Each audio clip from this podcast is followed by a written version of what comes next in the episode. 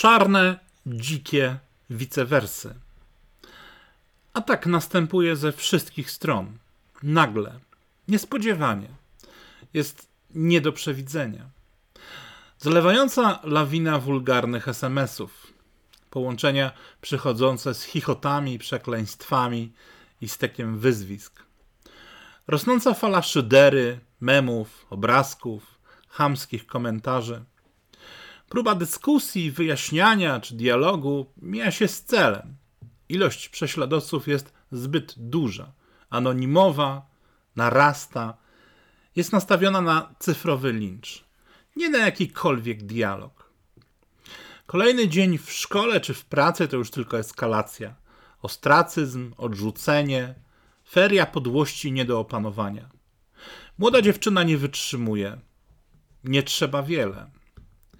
Dziś chciałbym stanąć twarzą w twarz z niektórymi influencerami w branży i rzucić im wprost: Nadal uważacie, że hejt jest fajny?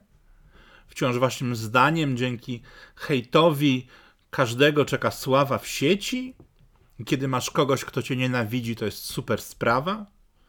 Naprawdę warto prowokować, skandalizować, podsycać emocje, by ci, co hejtują, zapewniali lepsze zasięgi postów? Naprawdę?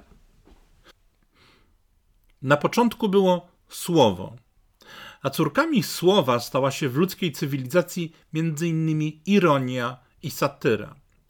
Ironia próbuje mieć dystans do samej siebie, ale na potęgę używa złośliwości, kpiny, obśmiania czy szyderstwa. Satyra zamieniła je w skuteczną broń. Pewnym arabskim miastem rządzi okrutny gubernator. Walkę z nim podejmuje konstruktor latawców, nauczyciel i kupiec oraz 32-letni lekkoduch Heikal. Ich strategia jest nietypowa. Obalić tyrana przy pomocy kpin i wyrafinowanego szyderstwa. Przygotowują w mieście plakaty, absurdalnie wychwalające gubernatora miasta. Jednak wzbudzają swoim działaniem nie tylko wściekłość władzy, ale i tej prawdziwej opozycji. Szarganie władzy szyderstwem nie ma u nich podłoża rewolucyjnego, a wyłącznie hedonistyczne. Dążą do draki i doskonałej zabawy. Hejkal mówi: Wolę tyrana ośmieszonego niż martwego. Dłużej dostarcza mi przyjemności.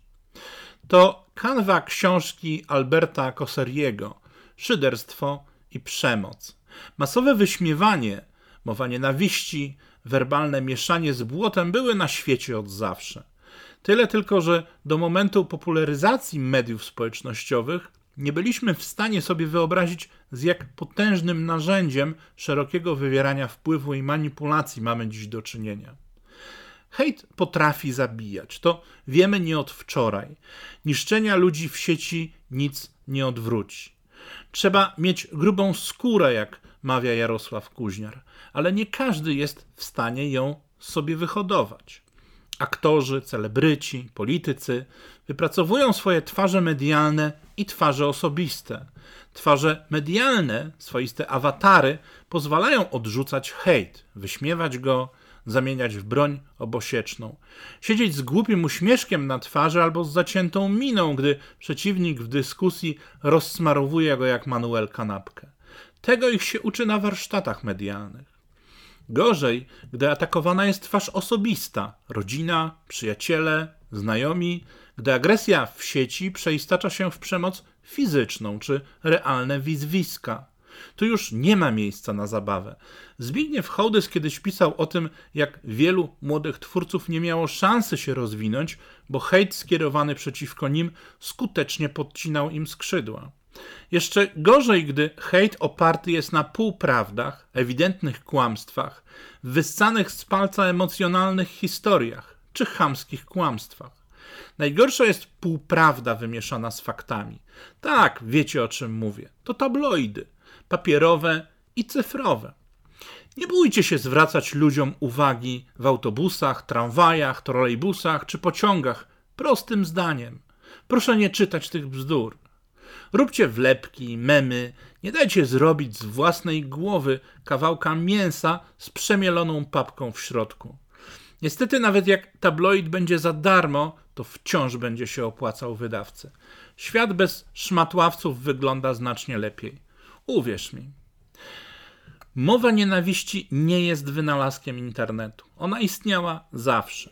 Schowana w ludzkich umysłach, dziecko stereotypów, przeinaczeń czy mitów. Swoiste krzywe zwierciadło, o którym pisał ksiądz Tischner. Cytuję: Aby poróżnić człowieka z człowiekiem, nie trzeba wiele. Wystarczy wsunąć pomiędzy nich krzywe zwierciadło. Koniec cytatu. Media społecznościowe są pełne owych zwierciadeł. Luster, w których mieszkają wicewersy dzikie, ale nie te dobre opisane przez Macieja Wojtyszkę.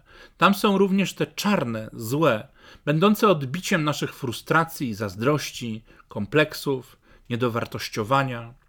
Wicewersy, których jedyną bronią i metodą na komunikację jest brutalny atak, chamskie odzywki czy wulgarne zaczepki. Świat, w którym nie ma krzty dobra.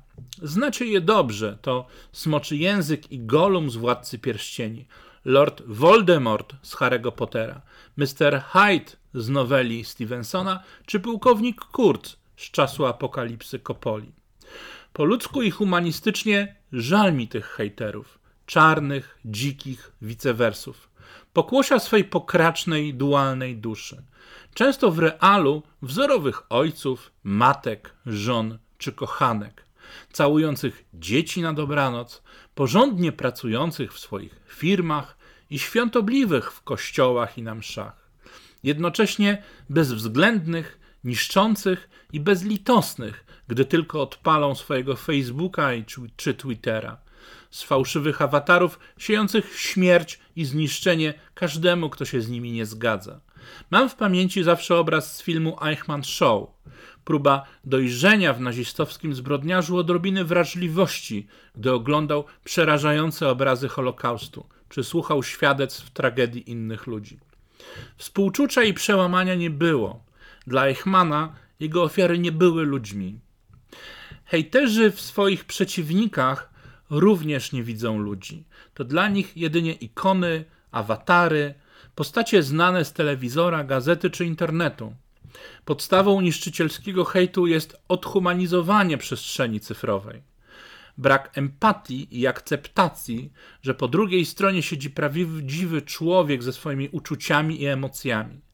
Jeżeli tego nie zrozumiemy i nie przepracujemy, sami na siebie wydamy wyrok. Organiczni, czyli niepłatni hejterzy, trole czy boty, tylko w sianiu nienawiści znajdują satysfakcję.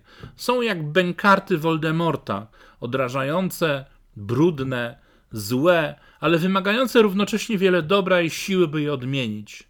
Dla niektórych nie ma żadnego ratunku. To jak w sekcie. Hejter, aby istnieć, potrzebuje atencji i zainteresowania. To stąd bierze się kropka nienawiści, czyli kto zostawi ostatni wulgarny komentarz, ten wygrywa. Jak nie odpowiesz, przegrałeś. Olimpiady inwektyw potrafią trwać godzinami. Nie zważajcie na to. Piszcie koniec tematu albo stawiajcie kropkę miłości, czyli mogę się z tobą nie zgadzać. Twoje inwektywy nie wywierają na mnie wpływu. Nie jestem pomidorową. Nie musisz mnie lubić. Coś w tym stylu. Nie gadajcie z anonimowymi, fejkowymi profilami. Blokujcie je. Naprawdę, zablokowanie hejtera czy trola jest dzisiaj szybsze niż założenie sobie przez niego nowego konta. W demokracji dorosłych ludzi nie ma żartów, nie ma heheszków, saren z krzesłem. W demokracji chodzi o to, jak wyglądać będzie nasze codzienne życie. Twoje, moje, nasze. Wymaga dojrzałości i rozsądku. Hejt postprawda czy fake news zalewają nasz świat cyfrowy nie od dzisiaj, wpływają na nasze postawy i wybory. Wykrzywiają, wykrzywiają lustra. Stajesz się tym, co czytasz, czego słuchasz i co oglądasz. Czas powiedzieć dosyć. Jeśli nie teraz, to kiedy? Dziś nadszedł moment, by reagować, by walczyć i podnieść głowę. Obserwuj, reaguj, działaj, to wystarczy na początek. Jeśli dziś jest koniec świata, to jutro jest właśnie ten dzień dłużej.